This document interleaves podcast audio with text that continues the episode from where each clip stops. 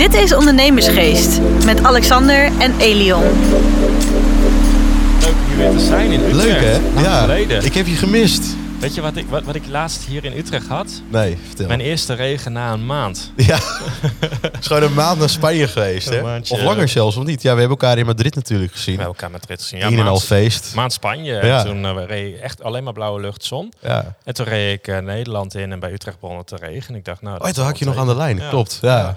Nou ja, nu Ben je al onwennig? Wil je, het- wil je weer terug? Nou, ik wil wel weer terug, ja. Ja, ja. ja. Oh, heerlijk. Ja. En jij bent ook al super lang op vakantie geweest? Ja, een maandje naar Mexico inderdaad. Jongen, jongen, ja. jongen. Ja, jongen. En dus mensen horen het al. Er zit een extra stem bij. Ja, ja. En die stem is niemand minder dan eh, Isabelle Veteris. Spreek ik het goed uit Ja, zo? ja, zeker. Ja. In één keer. Ja, Nou. gewoon in één keer. Dus eh, nou ja, eh, we gaan het er zo uitgebreid over hebben. Je bent onder andere schrijver van het boek Stoppen met uitstellen. Hoe je met een topsportmentaliteit in actie komt. En ja, als iemand weet wie, eh, hoe dat moet, dan ben jij het wel. Want in, eh, in, in een paar seconden, het verhaal van Isabel is gewoon... eh je was heel ernstig ziek, anorexia, 40 kilo. de knop omgezet tussen de oren, om het zo te zeggen. En ja, er zit hier eh 80 kilo spier.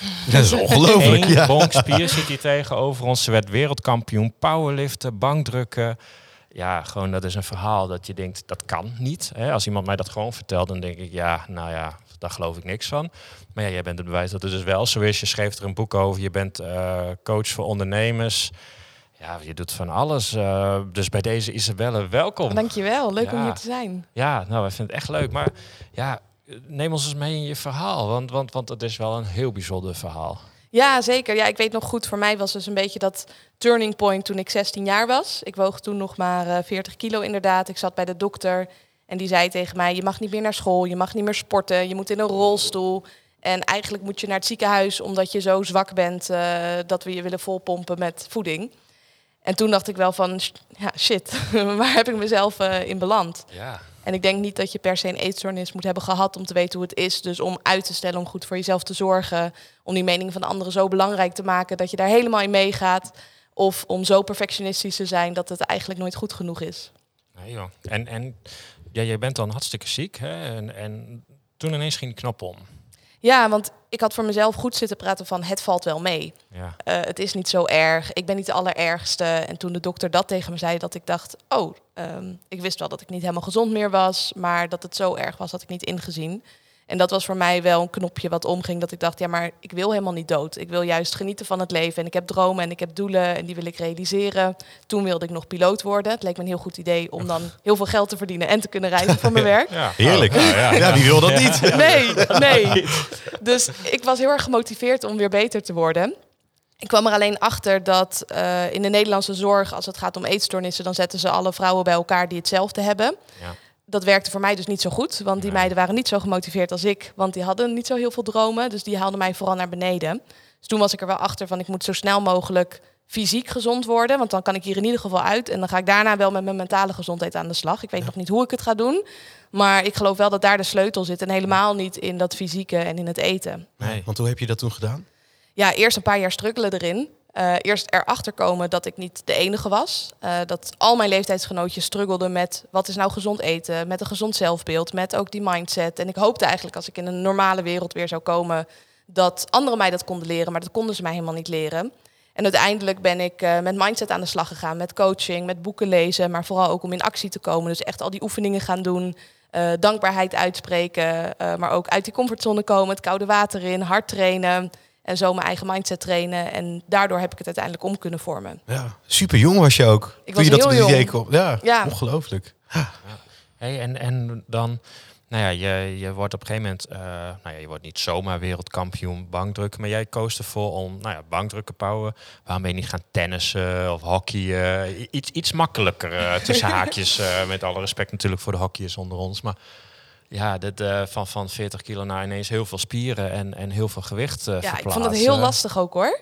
Ja. Toen gingen al die belemmerende patronen ook aan. Want Ja, powerlift is ook nog eens een sport met gewichtsklassen. Dus je moet weer op die weegschaal staan en je moet ook in je klasse passen. Is dat ook Maar heel dat- confronterend? Ja, Ja. dat vond ik wel lastig in die tijd. En het was ook een soort test voor mezelf. Want ook, net zoals bij vechtsporten kan je in het powerlift ook even een eh, week van tevoren nog heel veel kilo verliezen om dan in die goede klasse te komen. En ik vond dat ook weer een uitdaging om te kijken van ben ik er echt overheen? Kan ik gewoon vijf kilo afvallen in een week en dan weer gezond eten en goed voor mezelf zorgen zonder dus terug te vallen in die oude patronen. En powerlift is ook een onwijze mental game. Je hebt negen beurten in totaal. Eh, en dan heb je, laten we zeggen, een minuut om dat gewicht van de grond te krijgen. want de mensen die even niet weten wat powerliften is, kun je ook heel kort nog ja, ja. Kan je het even voordoen? Je zeggen, ja, We kunnen ze hier toch niet zien. Maar tilt ze je zo op hoor. powerliften bestaat dus uit squatten, uit bankdrukken en uit deadliften.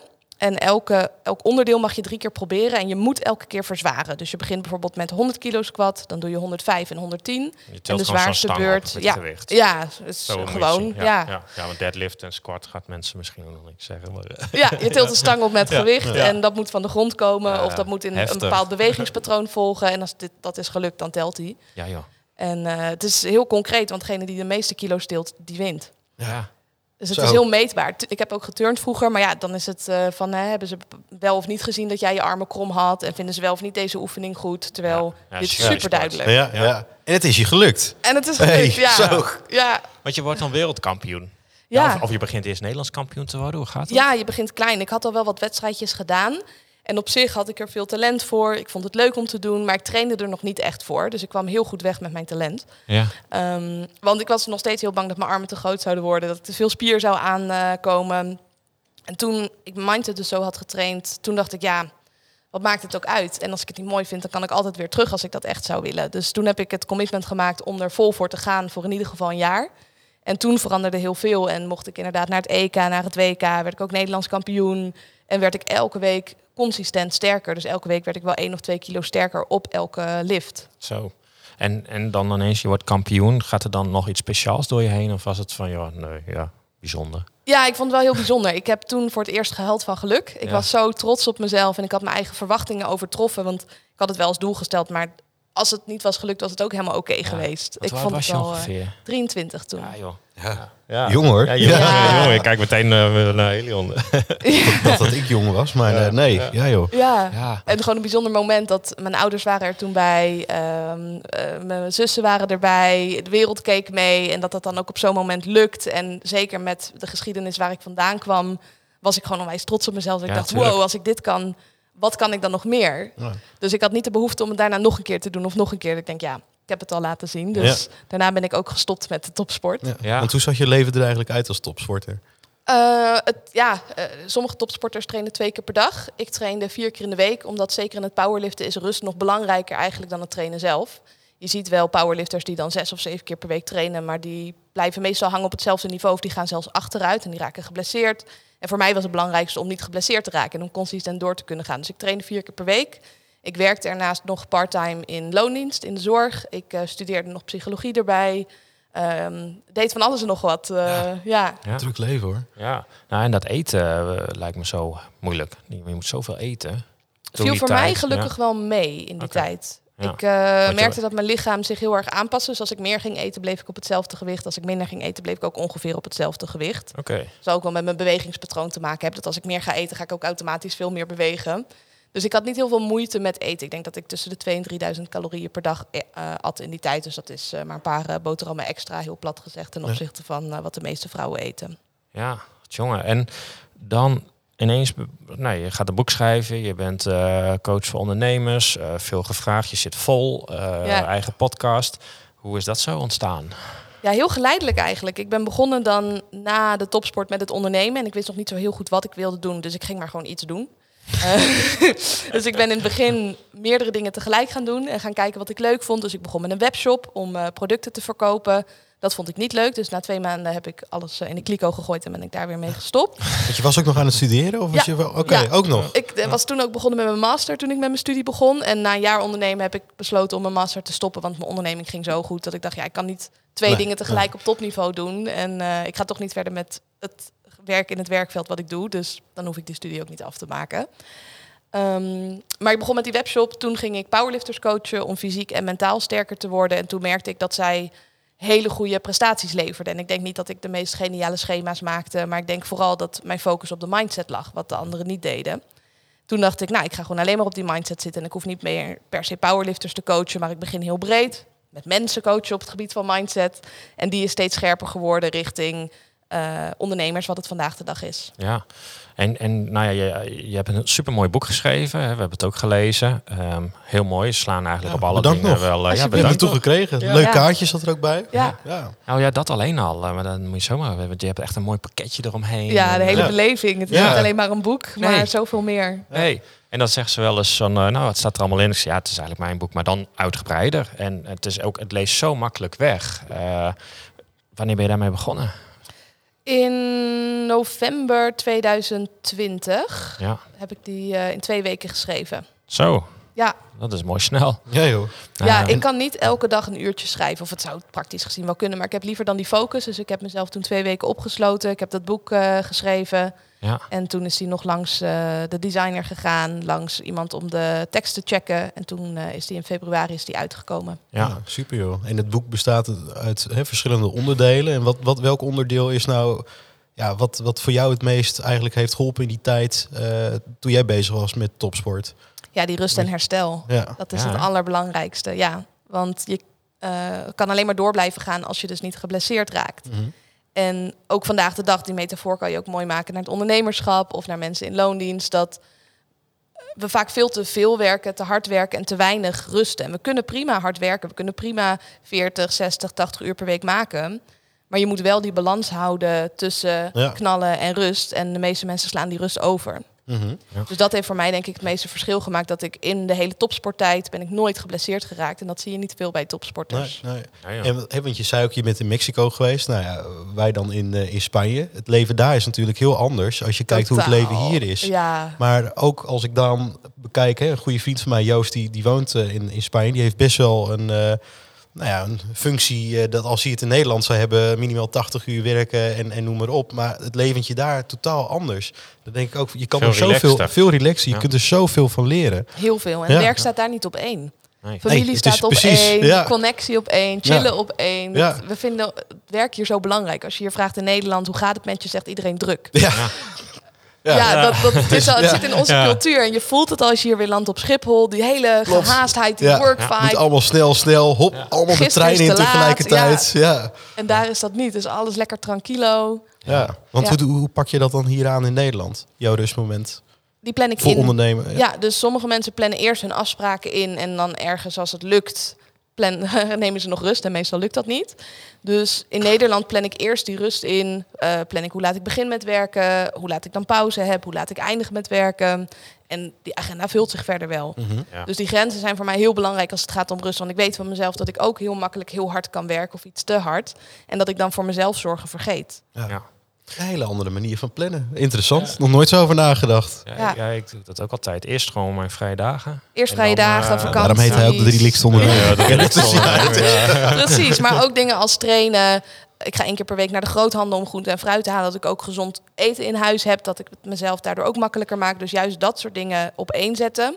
En je werk op twee. En daardoor gaat je bedrijf veel beter. Ja. Ja, Ik- want, want, eh, want, want dan moeten we zo even over, ga jij je stelen, maar over die voeding moeten we het zo even hebben. Ja. Nou, eh, dan wa- vorige ja, keer dat- ik bij haar kwam, kreeg ik een hele fruitschaal mee. Oh, serieus? Ja?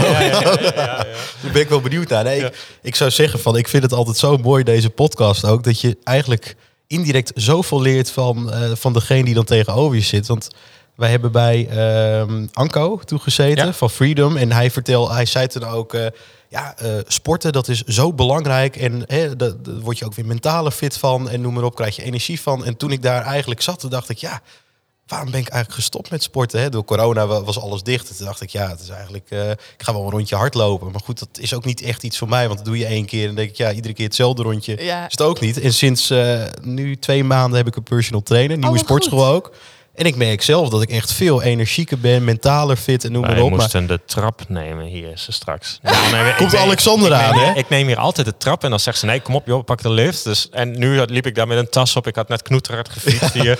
En ik kom binnen en ik denk, oh, nou, een lift. Nee, maar we gaan geen lift doen. Nee, kom op. Dus jij bent ik er ook de dupe van. ik eh, denk, hé jongen, wat is er met je gebeurd, joh? ja, ja, he- hele verandering. Maar nu ben ik wel benieuwd naar het verhaal met voeding. Want dat is iets, daar ben ik Ja. nog niet heel erg mee Nou bezig. ja, kijk, want, want ik, ik ben zelf daar ook altijd mee bezig. En ook steeds meer richting de plantaardige hoek. En eh, nou ja, daarom vond ik het zo interessant. En dat, nou ja, goed, we hebben samen al een podcast Inspiratie opgenomen voor eh, koude training. Dus ook, ook heel leuk.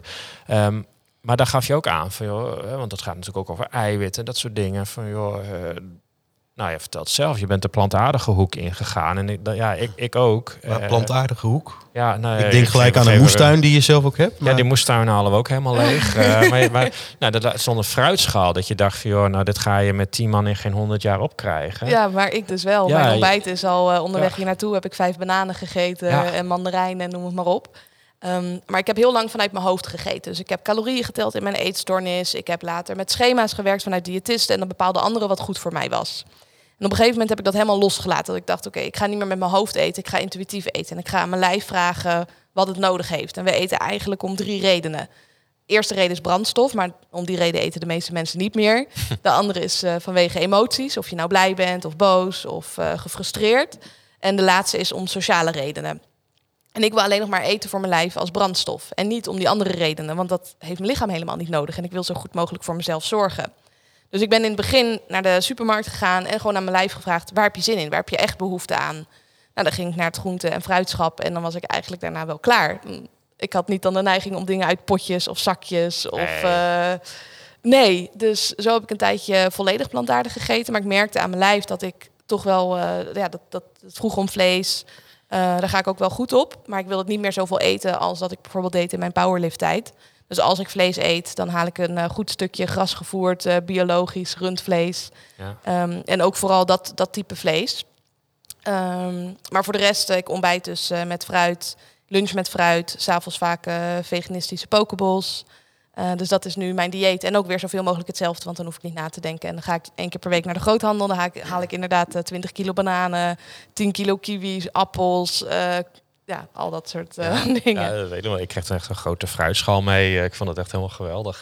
Maar ja, wij, wij, wij doen het ook gewoon heel veel, eh, heel veel fruit, groenten. En, en eigenlijk, ja, dat past ook veel meer bij het oerdieet van vroeger, zeg maar. En, En daar kan je ook bijna niet te ja, veel van eten. nee, nee. Heel veel mensen eten te veel, te vaak, om de verkeerde Ja, redenen. Ik hoor dan ook Ja. wel eens vaker zeggen van ja, je moet geen appels eten, want dat is dan ook weer slecht. eh, ja, dat er zitten wordt te veel suikers precies, maar- in en je wordt er Wat- dik wat- van en het is slecht voor je tanden. Ja. Nou, je ziet het. Ik ben Ja, dat helemaal valt wel eens mee. dichtgegroeid, Ja, de gaten vallen erin. eh, precies, ja.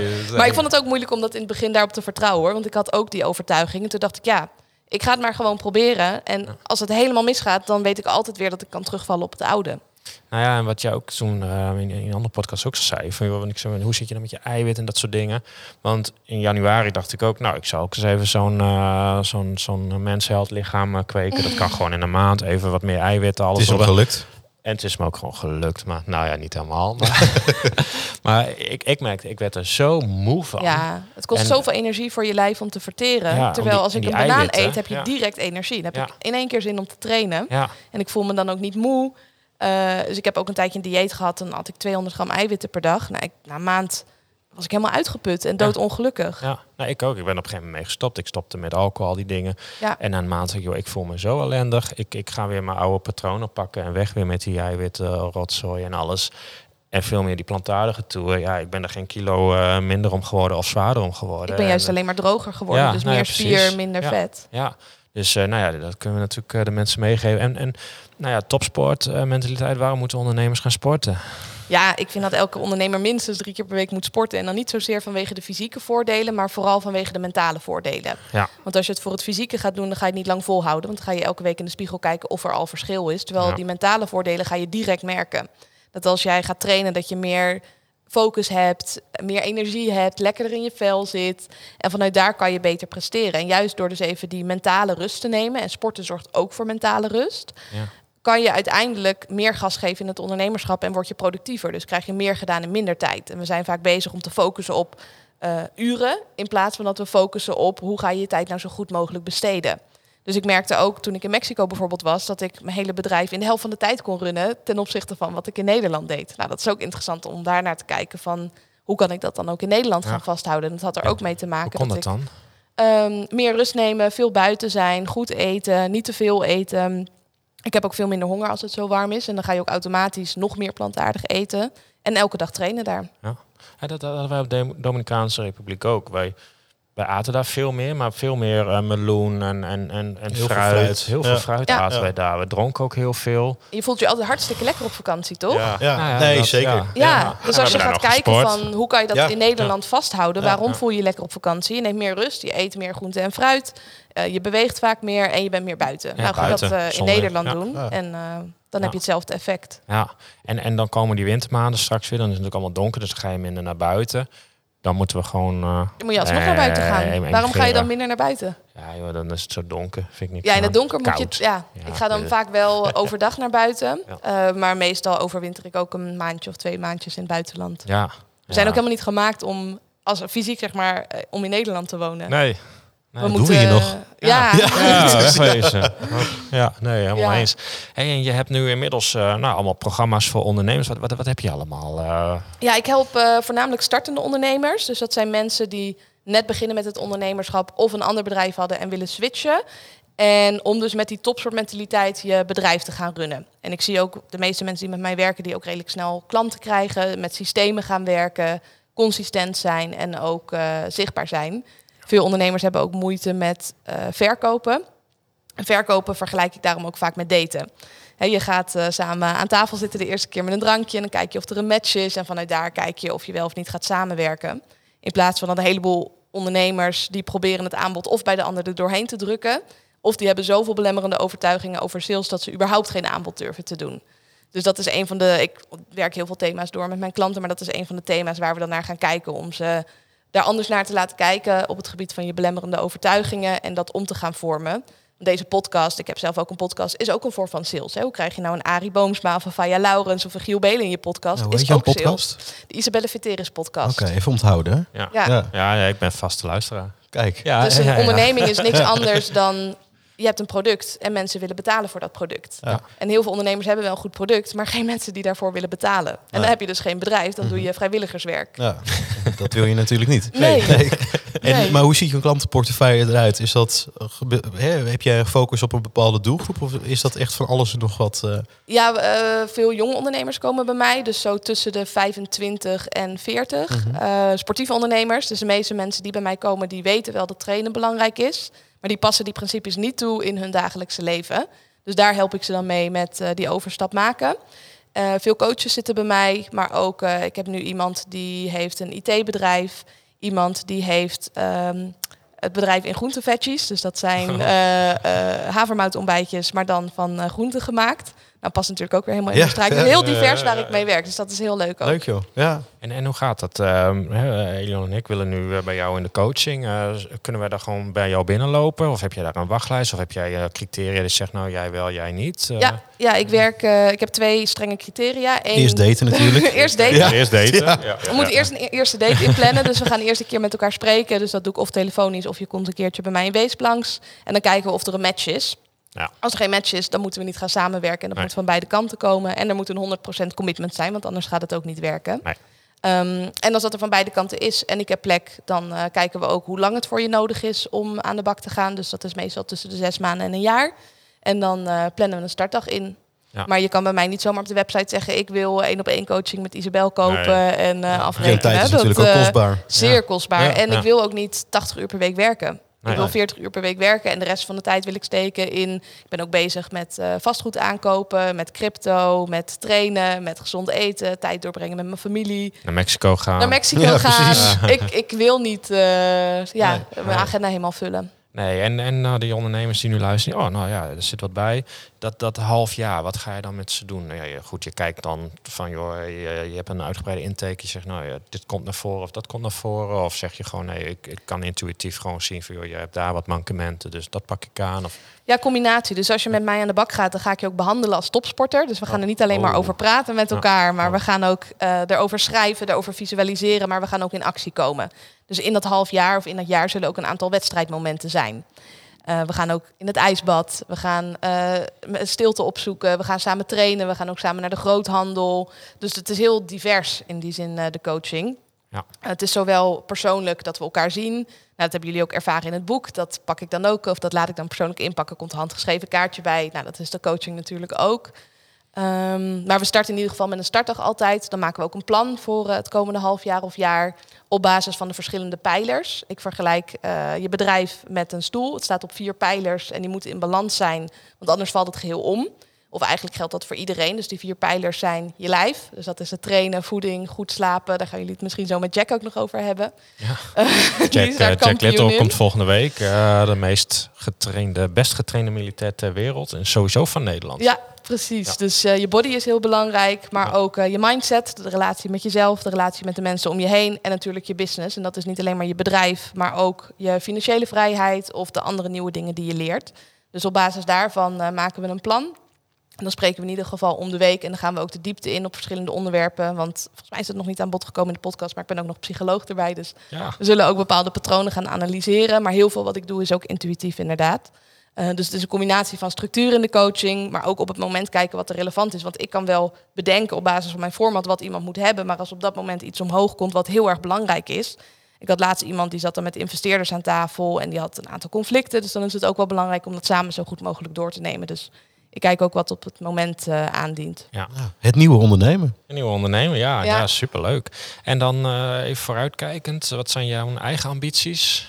Ja, mijn, uh, ik ben nu ook bezig met vastgoed aankopen. Dus mijn ja. doel is komend jaar om met vastgoed financieel vrij te kunnen zijn. Um, nou, daarnaast op het ondernemen om het vast te houden wat ik doe. De omzet te draaien of de klanten helpen. maar daarin ook weer naar een nieuw niveau gaan op basis van mijn klantenportfolio. En um, op, op langere termijn ook uh, ja, een beetje de standaard huisje, boompje, beestje. Ergens iets in de natuur, hondje erbij. Ja, um, en dan ben ik denk ik wel... ja, ik mag het weekend op de hond van een vriendin passen. Oh, maar dat ja. is echt een, mini-hondje. Ja. Uh, maar ik zou zelf ik, uh, iets groter formaat willen. Want ik hou van wandelen. En die kleintjes die uh, zijn er no time geef het al na een half uur op. Dat moet je niet hebben. Met zo'n wagen, een wagentje mee Ja, hebben. nee, Ja. dus helemaal geen mega ambities. Voor mijn gevoel heb ik al heel erg veel bereikt. Uh, en ik denk juist dat vanuit deze mindset dat ik nog meer ga bereiken omdat het niet meer hoeft. Dus ik doe heel veel vanuit spel en omdat ik het leuk vind. En dan komen er vanzelf wel dingen op mijn pad. En je straalt dat ook uit. Ja, zeker. Ja. Mooi hoor. Ja, ik vind het een ontzettend mooi verhaal. Ik kijk even naar, eh, naar Elion. Ik ook, Eh, ik ja, ook, Wij ja. eh, gaan nog meer bananen eten. heel goed.